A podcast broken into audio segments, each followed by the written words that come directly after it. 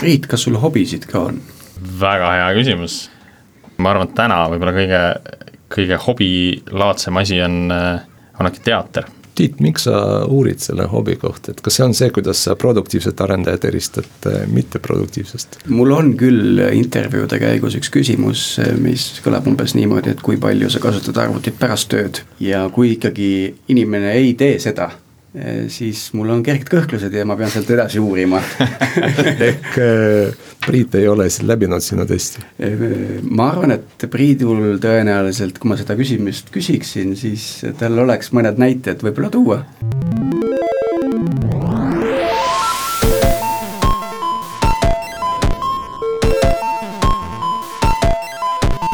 tere tulemast kuulama siis esimest episoodi podcastist nimega Algorütm tegu on siis äh, esimese eestikeelse tarkvaraarenduse teemalise podcast'iga.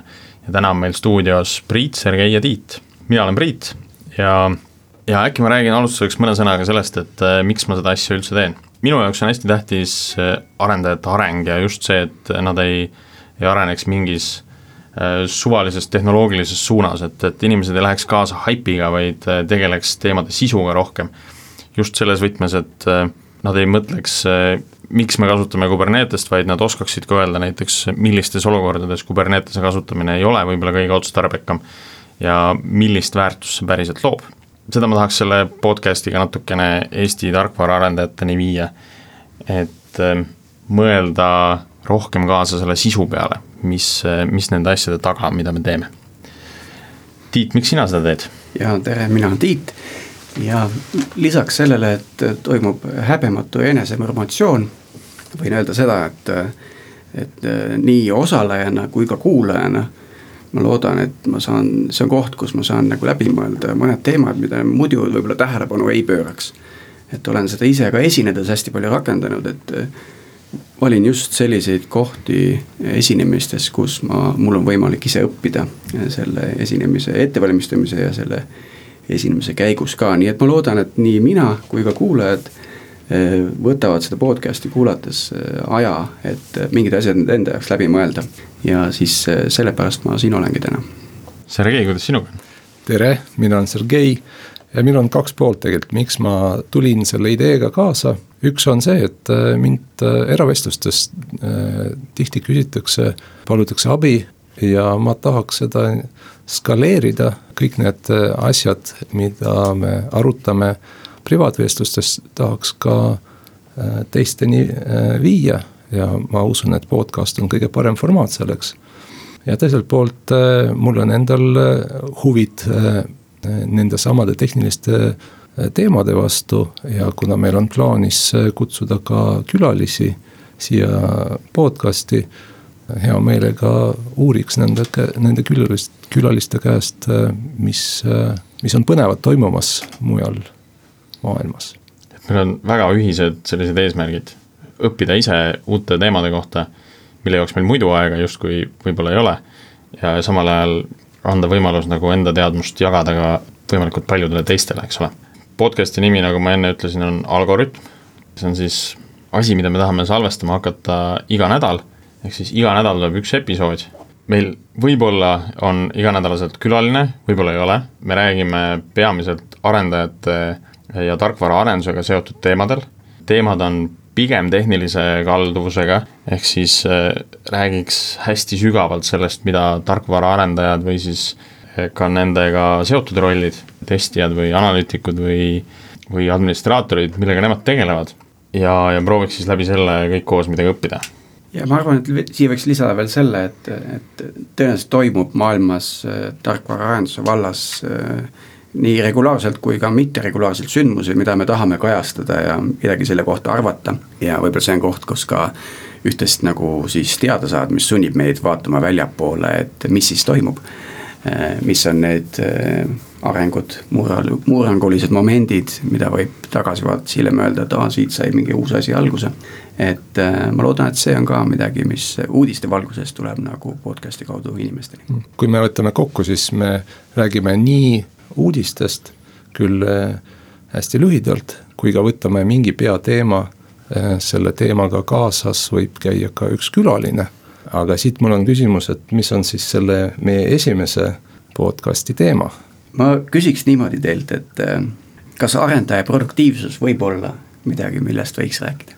ma arvan, et võib küll. aga siis, kui arendaja produktiivsusest räägime, siis võikski vaadata, et kas arendaja produktiivsus on tema äh, sisemine motivatsioon, oskused, tahe või seda ümbritsevad protsessid, tööriistad ja kogu see keskkond, mis teda kas teeb siis produktiivsemaks või siis võtab seda produktiivsust vähemaks.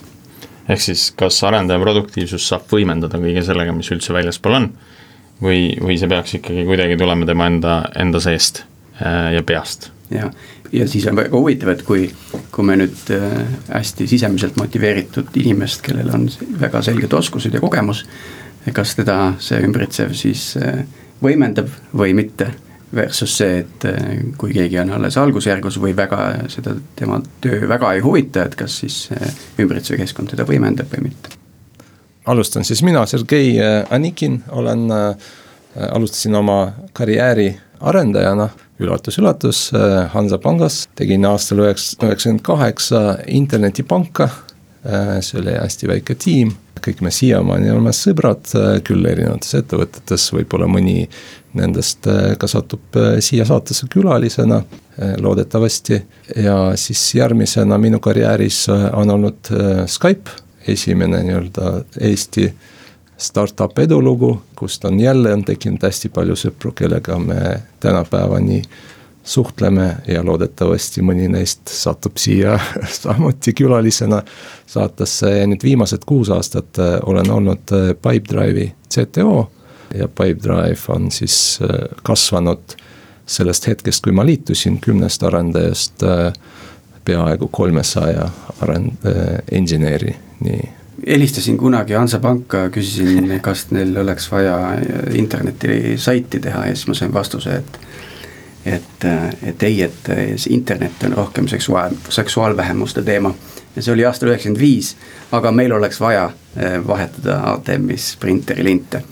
ja siis liitusin samuti Hansapangaga, eh, olin siis kakskümmend üks, alustasin süsteemi jälgimise osakonnas, edasi helpdesk, telehansa support eh, ja, ja lõpetasin siis vist aasta kaks tuhat projekti koordineerimisega läbi engineering'u või tarkvarahalduse osakonna ja, ja sealt edasi siis äh, Helmes, kus äh, olin kolm aastat äh,.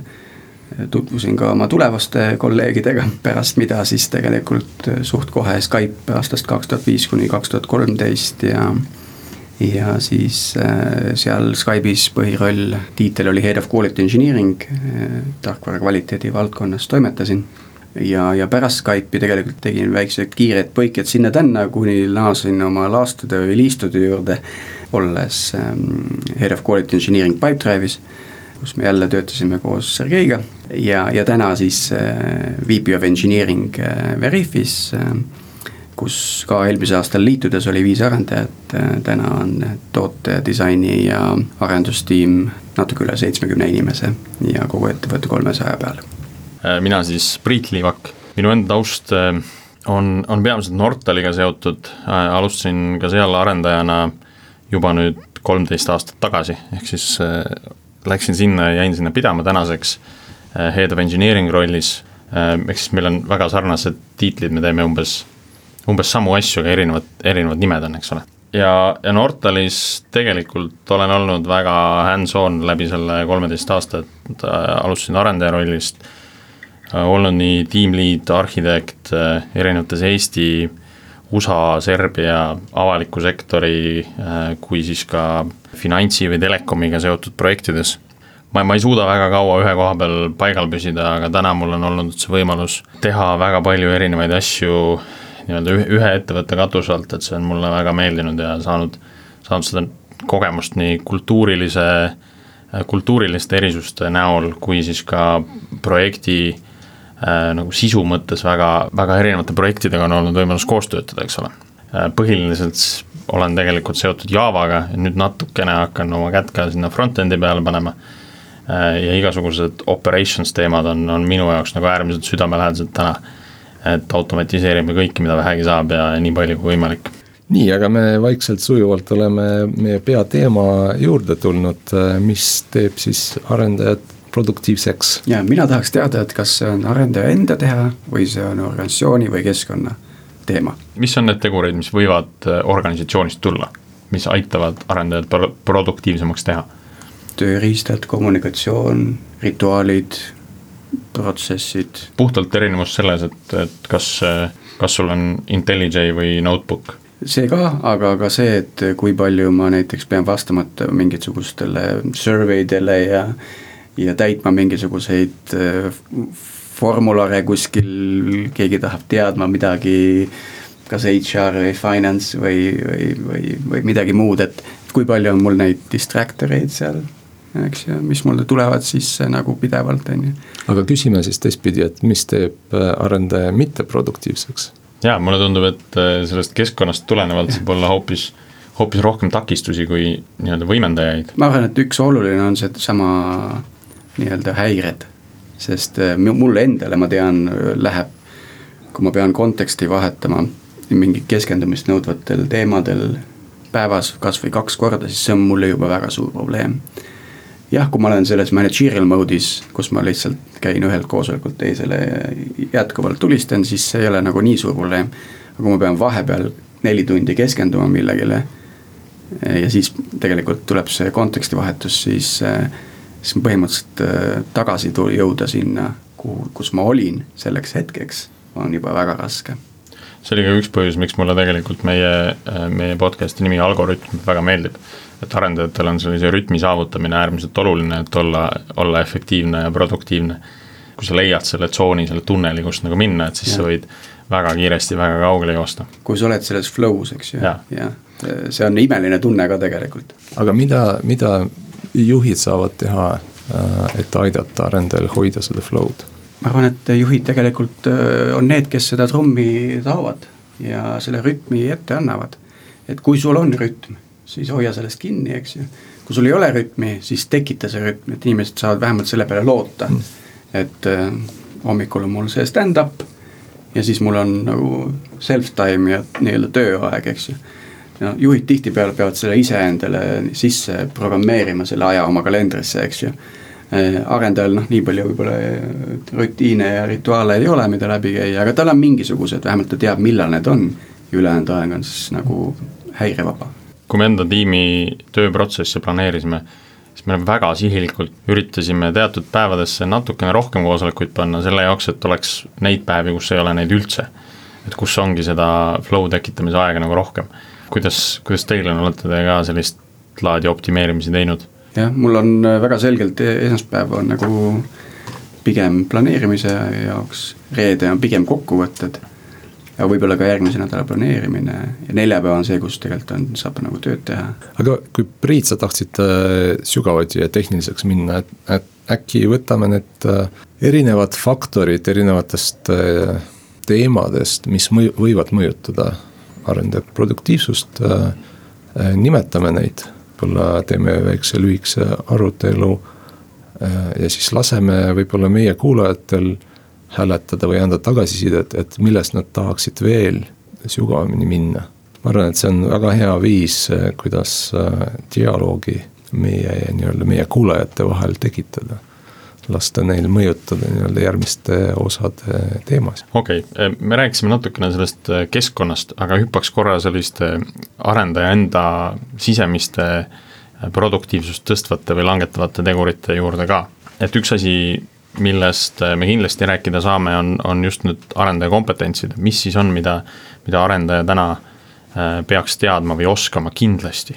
Äh, olgu see siis tehnoloogiline platvorm või tehnoloogiline stack, mida nad peaksid teadma või milliseid pehmeid skill'e neil peaks olema. minu arust see, see määrab üsna palju, aga kindlasti mitte kõike, et, et see keskkond on seal oluline.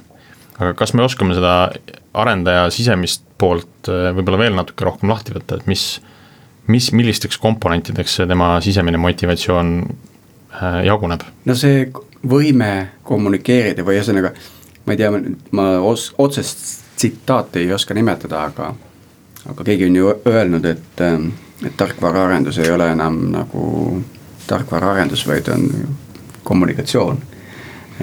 noh, nii arendajate omavahel, testijate, testijatega, product owner ite ja disaineritega. ja see koodi osa seal on tegelikult väga väike osa, mis tegelikult nagu kui sul on kasutusel erinevad framework'id, toetavad äh, näited, siis äh, koodimise jaoks kulub nagu suht vähe aega. kui, kui ma aitasin mõni aeg tagasi marketingil ühte, ühe pildi jaoks ühte caption'it välja mõelda, siis, siis ma jõudsin sinna, et äh, software development without communication is like pancakes without jam nagu kõik on olemas, aga natuke bland on, et midagi on veits puudu.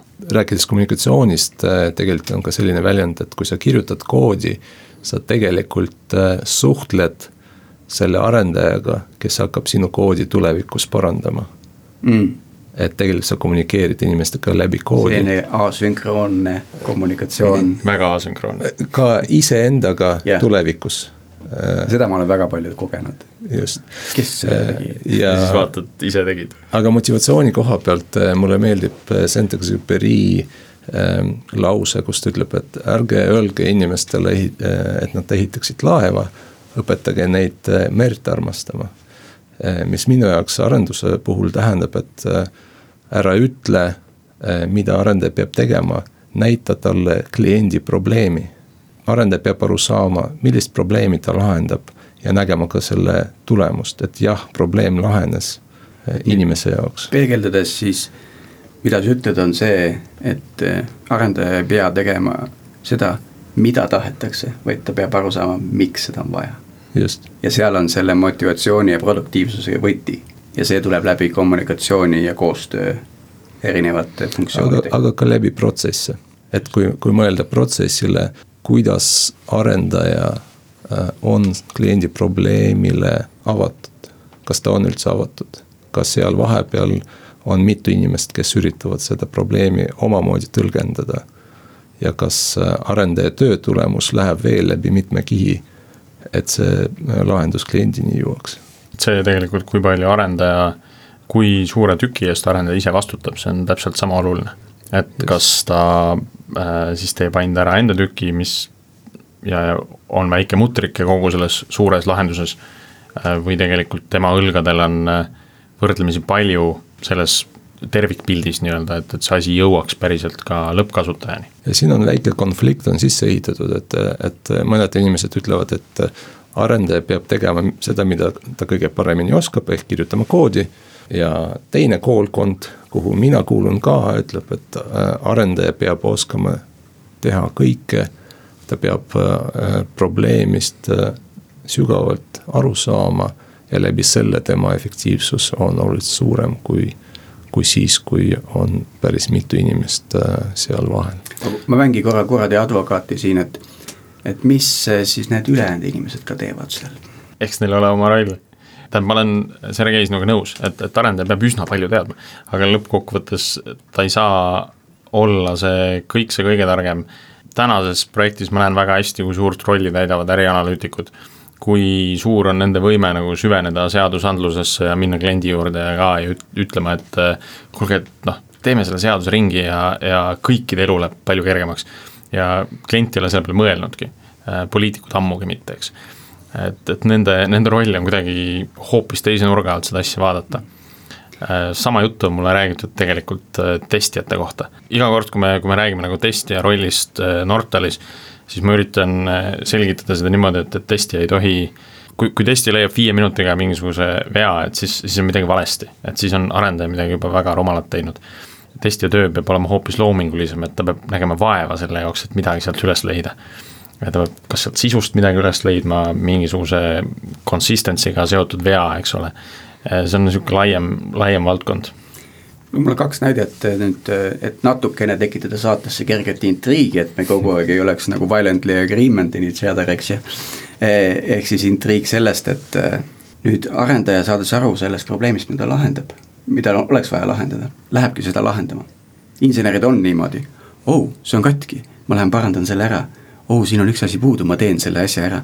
mõtlemata, kas seda on üldse vaja ja kas mm -hmm. see on mhm. üldse õige ressursikasutus mulle seda tuletas meelde Daniel Vaarik hiljuti, kui äh, ma pitch isin ühte ideed ühel häkatonil. ja siis ta andis tagasisidet, et, et, et siin on selgelt näha solutionalismi, ehk siis meil on probleem, insener tuleb ja lahendab selle ja kõik on super et eh, ilma aru saamata, kas see on tegelikult on üldse lahendamist vääriv probleem ja nii edasi. et ma arvan, see on võib-olla see koht, kus tulevad need teised rollid mängu. et, et kes aitavad seda nii-öelda kvalifitseerida ja kvantifitseerida, et kas see on piisavalt probleem, mida lahendada. nüüd teine asi, mis on huvitav ja seda ma näen, olen näinud mitmes ettevõttes, et need esimesed arendajad, kes ütleme, no võtame startup'i, liituvad founding engineer'id, kes teevad kõike. no seepärast, et noh, on founder ja siis tal on insenerid, eks ju, kõik noh, kõike tuleb teha, nii marketingi, kliendi kommunikatsiooni, support'i, kõike, eks ju. ja nüüd, kui nemad satuvad organisatsiooni, mis on kasvanud väga kiiresti ja ühel hetkel nende roll on palju väiksem, siis eh, nad tegelikult eh, tunnevad, et, eh, et nende töö ei ole nii, nii väärtuslik, kuigi tegelikult on. Sest kõik teised, kes liituvad sinna sellesse organisatsiooni, liituvad ju kõrge väärtusega, ühesõnaga tunnevad, et nende töö on väärtuslik mm. -hmm. me lihtsalt tahtsime temalt veel rohkem alguses. ja selle, selle taustateadmise tõttu tegelikult nende roll on ka, ka sellel hetkel väärtuslik, sest nad suudavad seda ajalugu äh, peegeldada, et mis kunagi oli ja mik-, miks mingeid otsuseid on tehtud, eks ole üks äh, huvitav tähelepanek, noh, me oleme kõik olnud siis industry's üle viieteist aasta, erinevad alad on arenenud just selles suunas, et aidata arendajatel olla produktiivsed. kui me võtame näiteks testimist, siis äh, Tiit võib-olla oskab paremini rääkida, aga see testimine nagu distsipliin on nii palju muutunud ja just selle äh, jaoks, et arendaja oleks produktiivne. jah, see, äh, see väärib tegelikult eraldi saadet, testimine kui selline ja selle evolutsioon, aga põhimõtteliselt me oleme jõudnud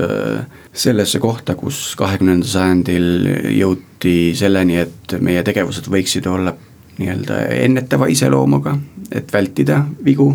ja nüüd me oleme jõudnud tagasi kohta, kus me tegelikult tahame neid vigu vältida selliselt, et me, meie testid oleks ka nagu loominguliselt ja võib-olla ka masina poolt genereeritud. ja palju testimist toimub klientide poolt viisil, et kui midagi läheb viltu, siis kas tõmmatakse tagasi, tehakse rollback või siis parandatakse kiiresti ära või suunatakse kliente teistele eh, serveritel, kus on veel vara, varasem kood, mis töötab, eks ju, et ühesõnaga äh, hästi palju on see evolutsioon muutunud ja, ja muutnud seda testija rolli ja kindlasti ka arendaja äh, rolli testijana. aga selles, selle juurde võiks tegelikult tagasi tulla eraldi. täiesti, sest mulle, mulle tundub, et äh, tarkvaraarenduse nii-öelda industry's või sektoris on, on hästi palju läbi aja võetud mingisuguseid äh, protsesse või samme üle erinevatest teistest tööstusharudest, kus need väga hästi töötavad. kas siis tootmisest või, äh, või siis mingisugusest disainist ja arhitektuurist, eks ole, on, on üritatud mingeid mustreid üle tuua siia ja loodetud, et need töötavad tarkvaraarenduses täpselt samamoodi väga hästi. et äh, nüüd me hakkame jõudma kohta, kus tegelikult äh, leitakse see oma nišš, et mis, äh, hakatakse looma nii-öelda uusi meetodeid, mis töötavad just tarkvaraarenduse jaoks kõige paremini. ja kindlasti ei oleks rakendatavad kuskil mujal, eks ole. noh, ka testimine on üks selline, üks selline asi, mis väga erineb äh, sellest, kas sa ehitad maju, äh, paned kokku mingisugust riistvara või, või kirjutad tarkvara, eks, et et neid ei saa täpselt samamoodi rakendada ja, need põhjused on väga erinevad, miks, miks need ei tööta niimoodi. kuidas on tekkinud äh, selline nähtav, äh, nähe nagu DevOps, mis asi see üldse on? see on overhyped termin, väga palju, eriti muidugi, kui DevOpsist hakkab rääkima ütleme, äripoolel olev inimene, siis, äh, siis mul jookseb juhe kokku suht kiiresti, aga aga ma olen seda enda jaoks äh, seletanud lahti kahel viisil, et üks on see, et no infrastruktuur sisuliselt on kood, eks ju, tänapäeval. ja nüüd kui palju sa automatiseerid seda infrastruktuuri loomist, selle nii-öelda update'i ja, ja provisioneerimist lihtsamalt öeldes. on justkui infra-driven DevOps ja siis teine vaade on siis arendaja vaatest, et kui palju arendaja saab ja võib ja tohib teha, et oma lahendust äh, Äh, lasta välja ilma kedagi teist kaasamata. et nagu kaks sellist DevOpsi maailma põhimõtteliselt. kas Priit, teil on ka DevOps teemaks? absoluutselt, ma, ma arvan, Tiidu mõte oli väga hea selle, selle koha pealt, et et infra as a code, see, see ei ole alati olnud võimalik või, või see oli võimalik kuskil hästi suurtes kohtades aga see on järjest lihtsamaks muutunud ja see, see hakkab seda kohale tooma või kättesaadavamaks muutma ka kõikidele teistele. täna ju räägitakse samamoodi DevSecOpsist ka, et siis tuua ka see security pool sinna juurde, eks ole. ma arvan, et see termin saab veel mõned liited sinna millalgi juurde. aga mis see tege-, tegelikult tähendab, kas, kas ei tähenda seda, et tegelikult äh, inimesel tekib hästi palju rolle? no siin on üritatud nimi panna, ma arvan, mingisugusele vastutusele, mis arendajale on juurde tulnud läbi aja. et see vastutus on, on tekkinud sinna peale, et, et arendaja teaks operations poolest ka rohkem.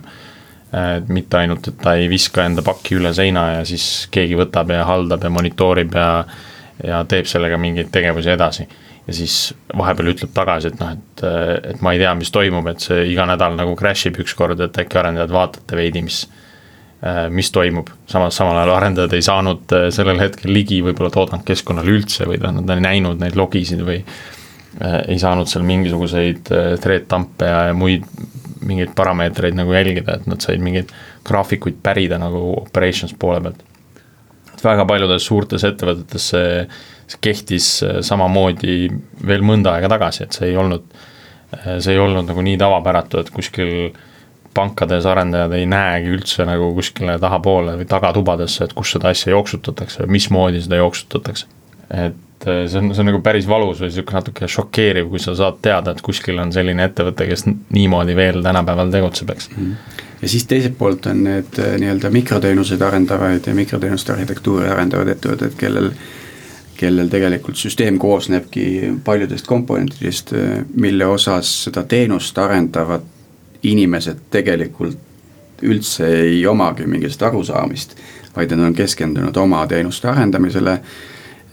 see suurem kontekst selle ümber on, on puudu, samas me kõik ootame, et tiim, kes mingeid teenuseid arendab, ka omab seda teenust ja see omamine tähendab siis seda, et et selle nii-öelda mm, meetrika jälgimine ja selle health ja uptime on selle tiimi vastutada. No me jõudsime järgmise väga sihukese minu arust provokatiivse teemani, et kui palju siis tarkvara arhitektuur tegelikult ühe arendaja produktiivsust võib mõjutada, kes seal, kes seal tiimis on. et noh, võiks ju arvata, et, et selline nagu mikroteenuste setup seda produktiivsust tõstab. samas olen näinud mitmeid case'e, kus, kus ei ole niimoodi, et, see teeb arendaja jaoks selles tiimis Äh, elu hoopis keerulisemaks aga Sergei, sina oled kahest monoliidist ehitanud nagu mikroteenustel põhineva arhitektuuri, et kuidas see mõjutas? miks? miks sa tegid seda? Äh, siin peabki vaatama tervik- või suuremat pilti, et äh, jah, ühe arendaja jaoks kogu see maailm tegelikult muutub järjest keerulisemaks. noh, me peame seda tunnistama, et, et vahepeal ongi tunne, et, et selleks, et täna, tänapäeval olla edukas nii-öelda senior äh, produktiivne arendaja, sa pead nagu arst kümme aastat õppima, enne kui, kui sa saad selleks. et sa pead olema residentuuris natukene aega, et sa pead harjutama seda kümme aastat ka. see on, ma arvan, täpselt sama oluline. just, aga teiselt poolt, kui me mõtleme ettevõtet, äh, kes äh, kasvab hästi kiiresti ja, ja Eestis neid ettevõtteid on mitmeid, et sellise ettevõtte vaatepunktist äh, nad tahavad tegeleda päris mitme asjaga paralleelselt. sest äh, nii-öelda olukord nõuab, et neil on palju kliente, palju konkurente ja maailm tegelikult tervikuna liigub järjest kiiremini, et olla edukas äh, ettevõttena sa pead liikuma sama kiiresti. ja on selge, et üks inimene ei saa toota nii palju, kui kümme inimest või sada inimest. samas me kõik teame, et, et kui panna sada inimest ühte auku kaevama, siis üks kaevab, teised vaatavad pealt ja me tahame vältida sellist olukorda ju arenduses. ja ma arvan, et, et just sellisteks olukordadeks mikroteenuste arhitektuur aitab tiimidel paralleelselt sõltumatult üksteisest kiiresti liikuda. siin on jälle täiesti teema üheks pikaks ja väga vastuoluliseks episoodiks, et kuna teha mikroteenuseid ja kuna nendest üldse nagu eemale hoida.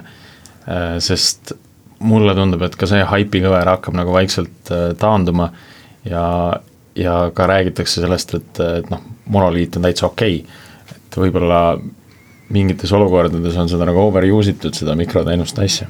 okei okay,, aga see kõik, kõik ühesõnaga loob mingisuguse keskkonna, mingisuguse seesama arhitektuur, need protsessid ümber.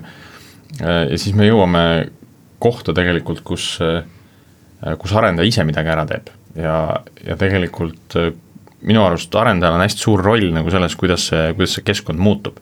ma olen alati tahtnud seda näha, et näha sellisena, et, et tegelikult arendaja äh, Äh, võib tunda, et ta on kuidagi lõksus nagu mingites protsessides, noh näiteks äh, lihtne näide on see, et me, me ei saa teha continuous delivery't või continuous deployment'i, sellepärast et äh, klienti poole peal on mingisugune admin, kes käsitsi teostab paigaldusi, eks.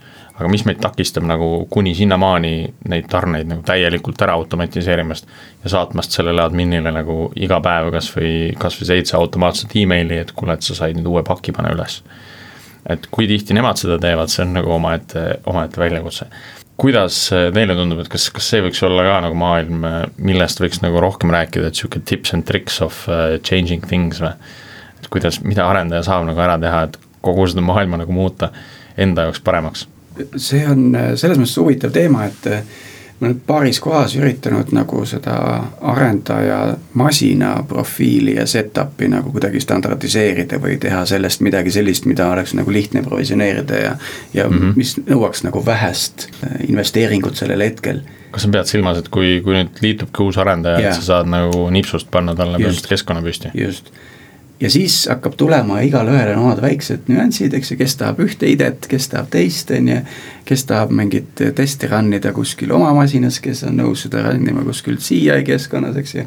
et hakkavad tulema siuksed väiksed nüansid, kuhu me oleme tegelikult jõudnud, on see, et alati see on arendaja spetsiifiline setup. nii toote kui ka selle tööriistade valikul, mida ta seal kasutab väga tihti. nüüd, kui me suurendame seda standardiseerimist siis kas me ühtepidi siis osade arendajate tööd, produktiivsust nagu vähendame? no see ei saa kindlasti peale surutud olla yeah., et see peab olema selline, et äh, võta ja tee oma fork, eks ole. aga nüüd tagasi tulles selle CI-CD juurde, siis ähm, no kuna mina tulen nagu kvaliteedimaailmast, siis äh, asi, mida Sergei mulle omal ajal õpetas, oli see, et et kvaliteet ei põhine mitte nagu väga suurel nagu pre-release testingut testingul, vaid kvaliteet põhineb sellele, et su reliis oleks nii väike, et selle mõju potentsiaalselt oleks ka, riskid oleks ma-, väiksemad. ja, ja noh, võttes selle aluseks tegelikult äh, tihe äh, tarkvara väljalase ja selle nii-öelda tihe testimine viib sind sellesse kohta, et sa pead selle kõik ära automatiseerima, et see võimalikult kiiresti juhtuks ja kui sul on need protsessid automatiseeritud, siis sa tead, et ei keskkonnast ega testkeskkonnast ega konfiguratsioonist või keskkonna muutujatest eh, vead ei tule, vaid viga, mis tekib, on ikkagi koodist puutuv. siin mina näen, et tegelikult väga suur roll on sellel, mida arendajad ise saavad ära teha. see ei ole vabandus, et, et meil ei ole head CI vahendit, mida kasutada või et eh, noh, et tahaks nagu selle Jenkinsi millegi muu vastu välja vahetada või tahaks just nagu kolida Jenkinsi peale või tahaks mingit Kubernetese platvormi sinna alla, kuhu saaks hästi kergesti uusi keskkondi peale teha. et olen olnud projektides, kus väga palju automatiseerimist on tehtud lihtsalt bash'iga ära. hästi lihtsad asjad, sul on kümme skripti ja sa teed sellega kõik, kõik asjad ära, mida sul ühes projektis vaja on alates siis äh, infra automatiseerimisest kuni siis arendaja enda keskkonna püstipanemiseni, eks minul on alati, alati olnud harjumus, et kui sa justkui tööd teha ei saa, et on, on ikka neid äh, hetki, äh, ma ei tea, kus, kus sa ootadki mingit pipeline'i, noh, sa, sa võid teha nagu oma koodi ilusamaks, aga noh, seal ühel hetkel tulevad piirid ette, siis sa nokid mingi teise skripti kallal hoopis, mis võib-olla seda pipeline'i ennast kiiremaks teeb, eks, et järgmine kord ta jookseks sulle kümme sekundit kiiremini. Ja, ja läbi selliste väikeste inkrementaalsete parenduste tegelikult jõutakse kohta, kus kus arendajal endal on mugav olla. see ei pruugi olla täpselt see koht, kus on teisel arendajal mugav olla, eks. nagu sa ütlesid, Tiit, et kõik on, kõik on natukene erilised või tahavad natukene erinevat endale kohandatud keskkonda saada. aga siin tuleb jälle see kommunikatsioon mängu, eks ole. et kuidagi leida see ühine joon, et mis, mis kõigi jaoks väärtust loob huvitaval kombel see toob äh, minu jaoks järgmise teema lauale, et äh, build versus buy.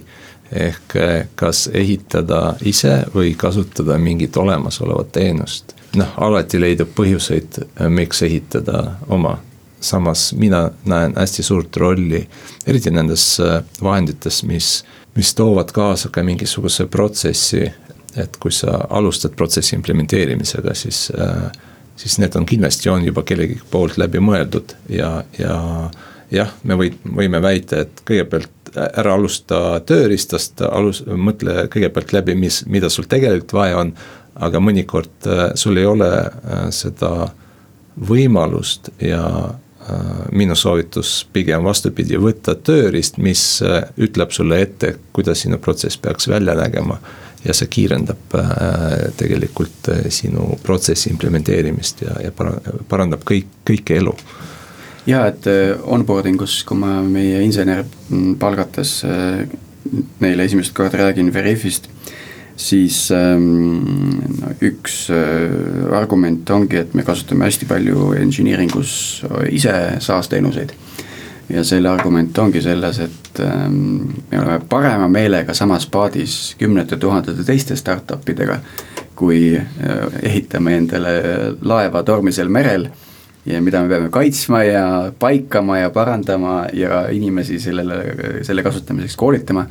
samas seda öeldes ma saan aru, et kui sa lähed äh, sellest esimesest tasemest, äh, mida see tool sulle pakub protsessina saad selle taseme nii-öelda kätte, siis sealt edasi äh, on juba küsimused selle võrra sinu ettevõtte spetsiifilised ja sinu nende inimeste kooslusega, kooslusest lähtuvad. et sa pead tegelikult äh, võtma ka selle build aspekti sisse ja mõned asjad ise ära ehitama. et kõik, mida mina siiamaani olen näinud, CI-CD stack on, omab ise ehitatud kihti ühel hetkel mis on siis vajalik selleks, et mingeid andmeid maha salvestada, mingi, mingisuguseid integratsioone või erinevatest arhitektuurilistest kihtidest läbi minna, ühesõnaga kasutada mingisugust tooling ut andmete capture kättesaamiseks. et, et selleks on juba see custom tooling või ise tehtud lahendused vajalikud huvitaval kombel ma näen väga sarnast äh, trendi ka tegelikult äh, arhitektuuris ja arhitektuuris just äh, erinevates geograafiates. näiteks äh, Soomes hästi palju üritatakse taaskasutada mingeid olemasolevaid asju. Äh, mingisugust platvormi, mingisugust põhja. Äh, see, see vist küll ei olnud Soome, aga kuskil, kuskil konverentsil räägiti sellest, kuidas üks elektrifirma või siis elektrihooldust pakkuv firma tegelikult tegi endale siis nii-öelda tööülesannete haldamise tarkvara, läbi mille siis nende insenerid said kaardi pealt valida tööülesande, sõita sinna, täita see tööülesanne, teostada mingit hooldust, mida iganes. ja, ja nad tegelikult ehitasid selle asja äh, Atlassian Jira peale. sest noh, sul on suurepärane vahend, mis tegeleb tööülesannetega, nad kirjutasid sinna terve hunniku koodi peale muidugi, mis, äh, mis pakkus neile selle kaardikomponendi, mis pakkus äh, neile nagu nende spetsiifilise sellise halduse tegelikult lõpuks ei näinud üldse välja nagu Jira, see nägi nagu custom soft, aga seal taga oli lihtsalt see Jira mootor, mis neid äh, tööülesandeid haldas ja läbi mille nad said siis äh, teostada selliseid konfiguratsiooni ülesandeid, et kui nad tahtsid oma workflow'd kuidagi muuta või nende tööülesannete tüüpi kuidagi muuta, siis see põhi oli seal olemas.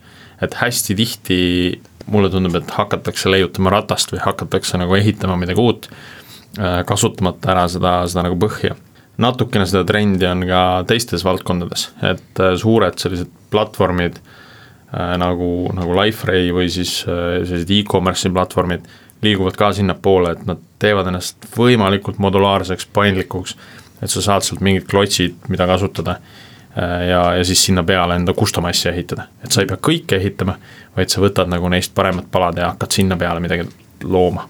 nüüd, kui sa oled midagi ise ehitanud, siis siis sa pead ka selle ära dokumenteerima. jah, see on kõige raskem arendajal, eks ole. jah, et, et kas, kui palju see dokumentatsioon, sest noh, ütleme kui ma kasutan pilveteenuseid, Google'it äh,, nii edasi, siis dokumentatsioon põhimõtteliselt võimaldab ilma sisulisi teadmisi omamata kõik nagu teenused üles lasta ja käima panna ja nagu joosta.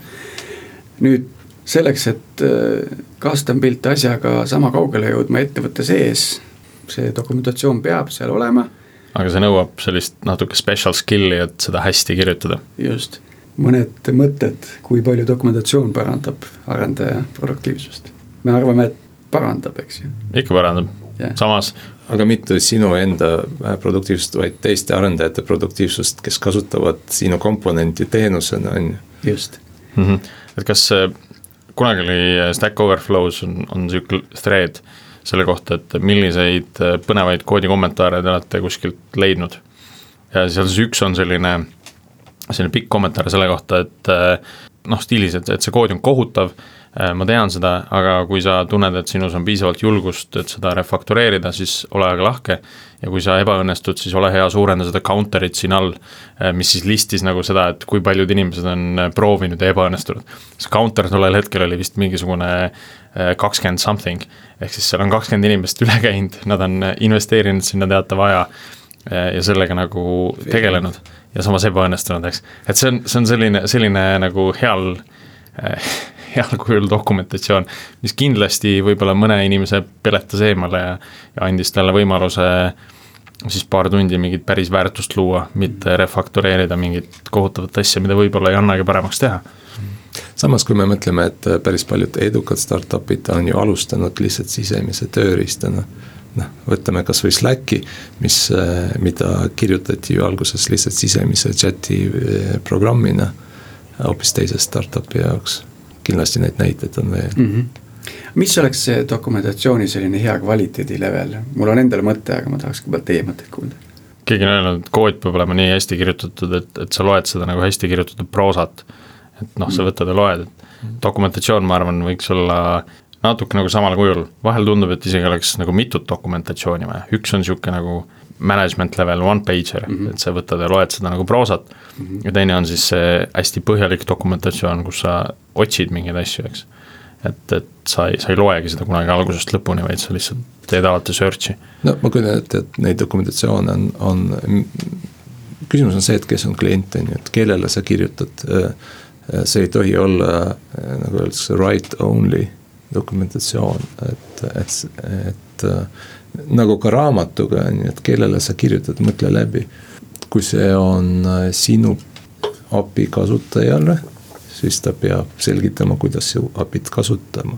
kui see on äh, sisemine arhitektuuri dokumentatsioon, siis minu jaoks üks kriteeriumitest näiteks on see, et, et kui tihti sa seda muudad mm -hmm. või pead muutma, sest äh, äh kui sa muudad mingeid detaile oma implementatsioonis, siis sinu arhitektuuri dokumentatsioon justkui ei peaks muutuma, sest arhitektuur on ikkagi mitme äh, aasta või aastakümne jagu peaks paika pidama ja ta peab piisavalt abstraktselt ja kõrgel tasemel kirjutatud mm. -hmm. et sihuke, see dokumentatsiooni tase, kui detaili sellega minna, on, on täpselt sama oluline.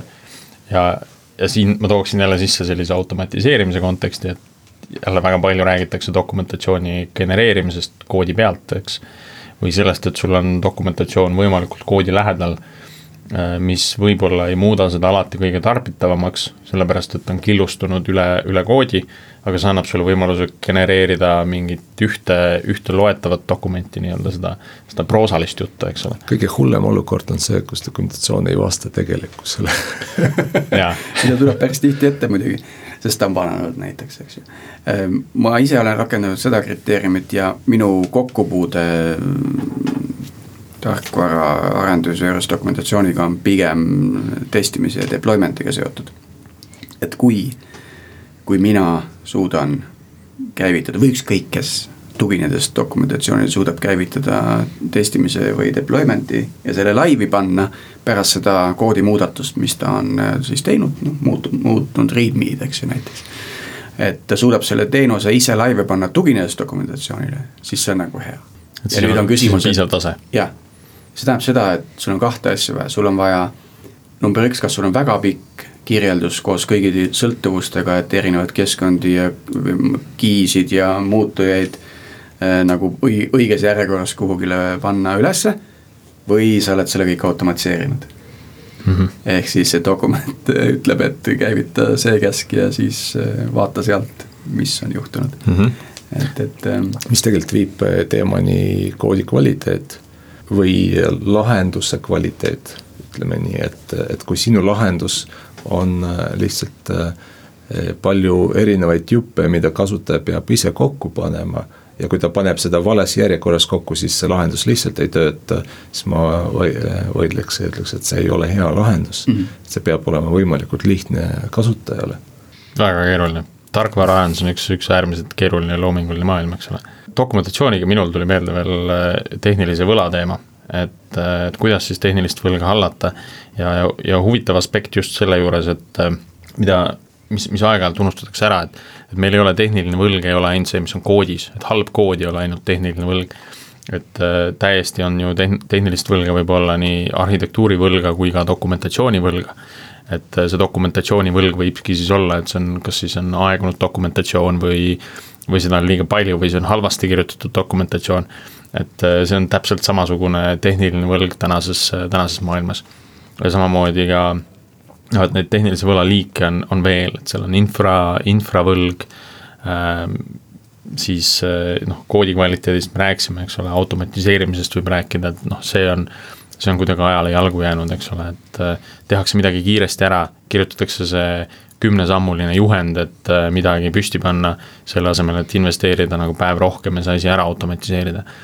kui tiimi liitub ainult kaks inimest äh,, kaks-kolm inimest nagu teatud perioodi jooksul, siis see ei ole valus. samas, kui seda tuleb nagu tihemini ette, siis see automatiseerimine oleks ennast kindlasti ära tasunud, eks. ja need on just need kohad, ma arvan, kus, kus arendaja ise saab hästi palju ära teha.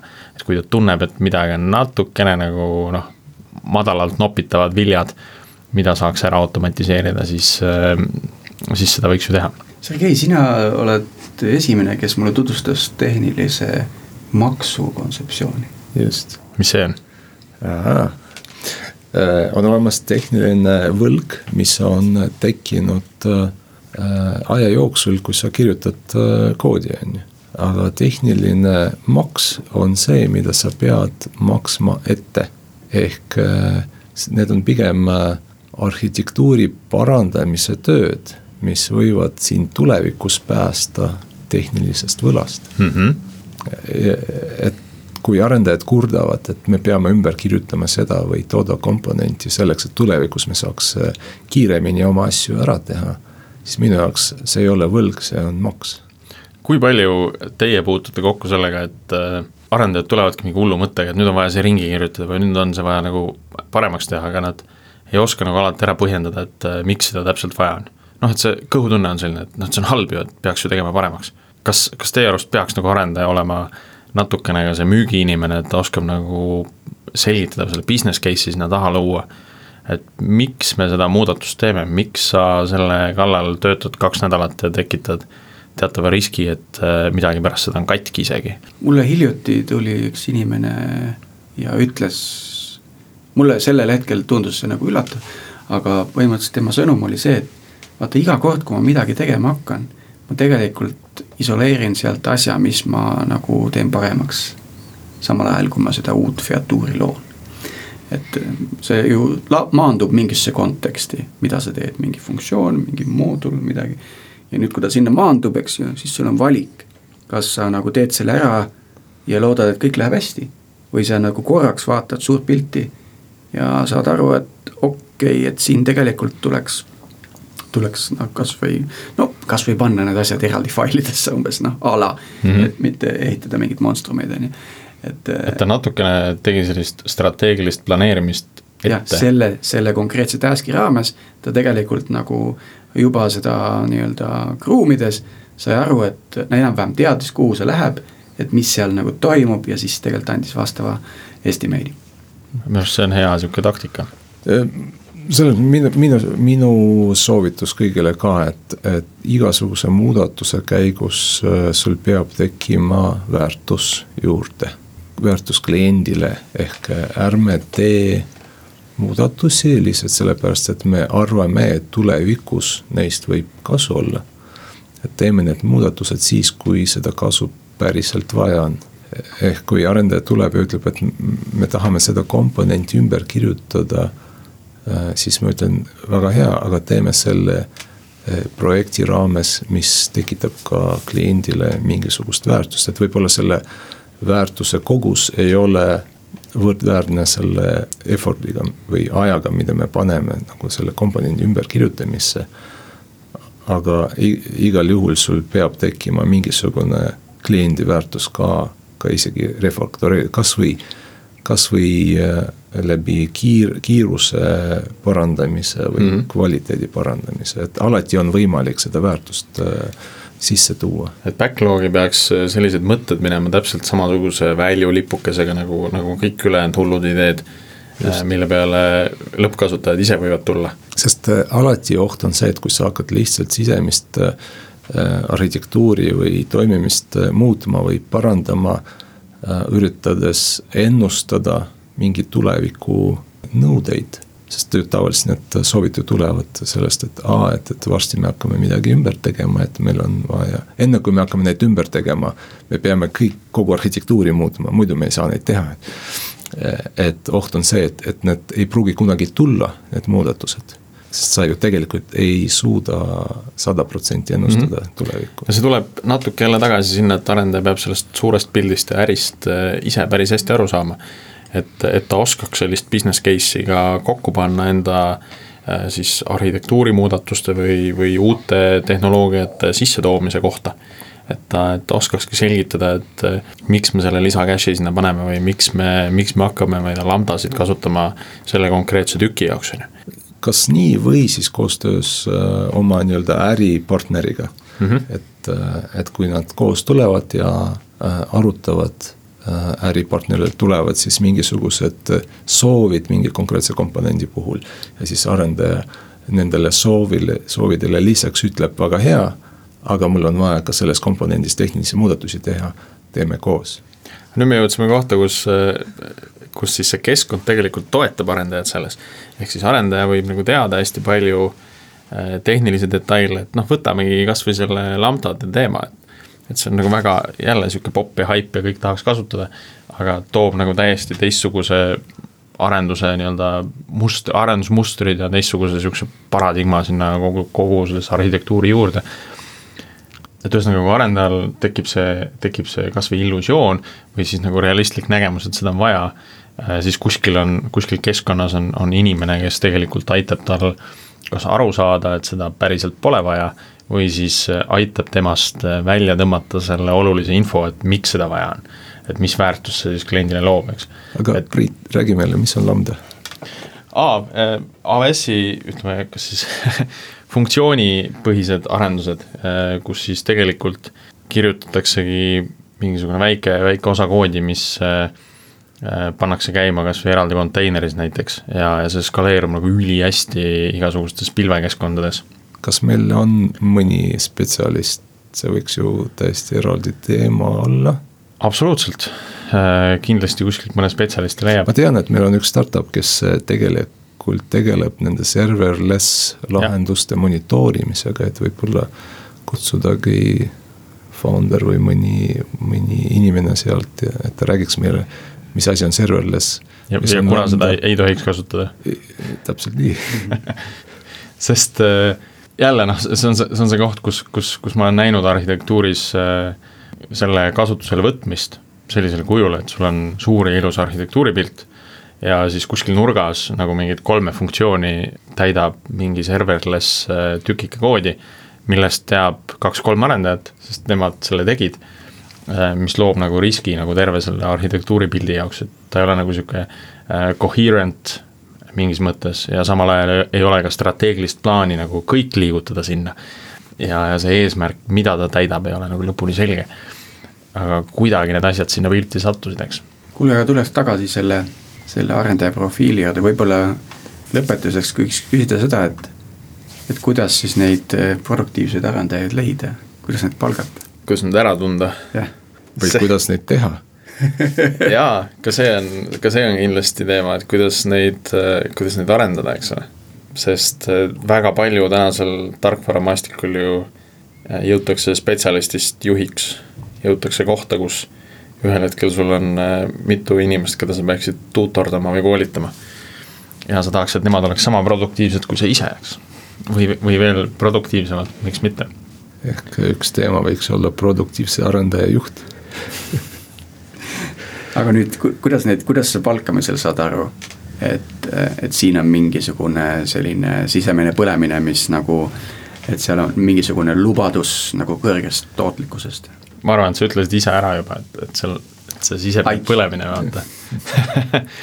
Aga, aga, aga olgem ausad, Eesti on tegelikult hästi, hästi väike äh, ja me tunneme neid produktiivseid arendajaid nimepidi enam-vähem kõik.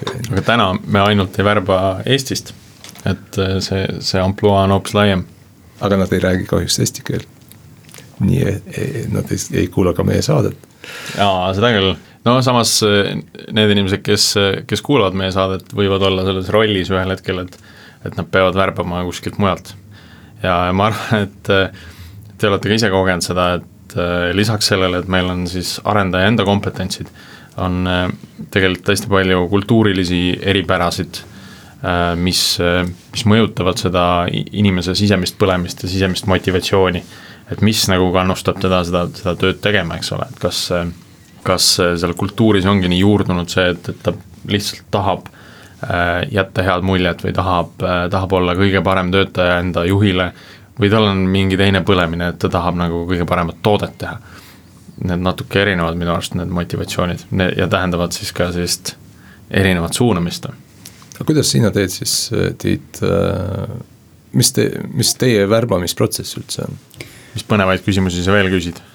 nojah, äh, mul on seal mõned äh, maha viksitud küsimused. Äh, kõik ei taha reeta ka, eks ole. jah, Peter Thielilt ja, ja, ja tema sõpradelt, aga ühesõnaga. aga need ei ole tehnilised küsimused? jaa, need ei ole tehnilised küsimused, et, et ma üritan kõige, kõigepealt ikkagi aru saada, et kas see inimene teab, kuidas hea välja näeb.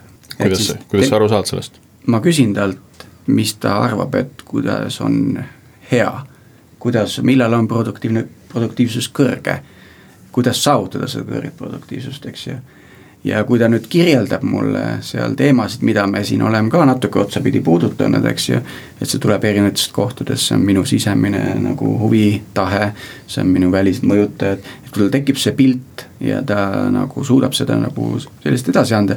siis ma näen, et äh, isegi kui tal täna on ühte-teist nagu võib-olla ei ole, siis äh, tal on see võime seda omandada ja õppida. eks sa tegelikult tähendab, et tehnilised äh, oskused ei olegi niivõrd olulised, kui inimese avatus ja arusaam asjadest, mis äh, ei olegi võib-olla otseselt koodi kirjutamisega seotud. jah, ja tema enda suhtumine temasse endasse. ehk siis noh, väga tihti see ego saab seal nagu takistuseks, eks ju. aga on võimalik olla sealt nagu sellest veitsi üle. ja, ja aru saada, et äh, noh, see nagu nagu öeldakse, et see, kes inimene tark siis, kui saab aru, kui loll ta on, eks ju, et mhm. siis selle, see on nagu esimene samm, eks ju. et või kui vähe ta teab.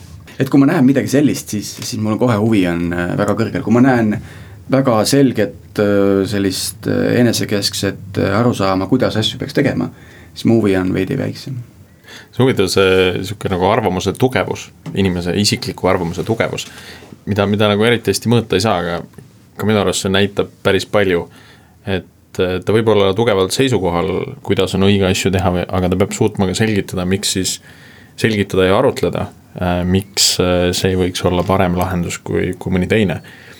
ja, ja samal ajal on, on siin hästi palju inimesi, kes äh, justkui nagu arutlevad, aga siis lähevad ja teevad ikkagi midagi omamoodi või või nad ongi nii jäigalt nagu enda seisukohtades kindlad, et, et nad üldse ei aktsepteeri seda võimalust, et teistmoodi saab ka teha selle kohta ma just lugesin äh, ühte lauset, äh, mis selgitab, mis asi on küpsus ja inimese küpsus. Äh, ja selgitus oli selline, et, et küpsus on see inimese võime näha asju teise külje pealt Mm -hmm. et, et mida suurem see võime ja mida rohkem külgi sa näed probleemil, seda küpsem sa oled mm. -hmm. ja üks nendest külgedest võib olla täitsa, et seda probleemi polegi vaja lahendada, eks millest me ka natukene enne rääkisime, et, et see mindset on tihti arendajatel teistsugune. me tegelikult äh, täna jätsime veel hästi palju teemasid puudutamata, täiesti katmata jäid igasugused süvatehnilised äh, asjad, milliseid arendusplatvorme kasutada, äh, kas kasutada pilve, kuidas automatiseerida asju, sõnumipõhine versus sünkroonne igasugune suhtlus andmebaasidega või ilma andmebaasideta ja, ja milliste andmebaasidega, neid teemasid kindlasti tahaks erineva külje alt katta, äh, kas siis külalistega või ilma ja, ja tõenäoliselt, tõenäoliselt me seda teeme järgmistes episoodides. ja, ja tõenäoliselt oleme hästi avatud ka igasugustele soovitustele, et milliseid teemasid võiks katta või, või kas või ka soovitustele, milliseid külalisi äh, võiks siia saatesse kutsuda. aga ma arvan, et tänaseks tõmbame otsa kokku. veel kordaks üle selle, et äh, see saade on nii hea, kui selle autorid ja kuulajad kokku. see tähendab seda, et teie panus on nagu oodatud. ja Geenius lehel kindlasti leiab vastavad äh, teemaviited mm -hmm. või viisid, kuidas kommunikeerida meiega ja oma ettepanekuid saata, et, äh, et oleme väga huvitatud nendest.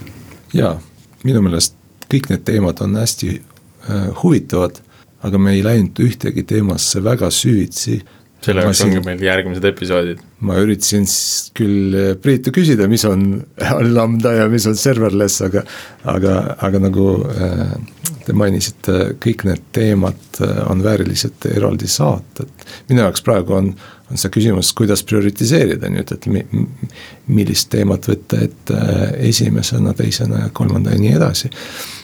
ilmselt meil on rohkem otsustus äh, Äh, jõudu kui meie kuulajatel. Aga kindlasti need otsused äh, hakkavad lähtuma kuulajate tagasisidest. ka, ka sellest tagasisidet võib-olla me ei peakski üldse seda saadet äh, tegema. Ma loodan siiski, et seda ei tule. Noh, lootus jääb, sureb viimasena aga siis selle optimistliku noodiga ma arvan, et lõpetame, aitäh kuulamast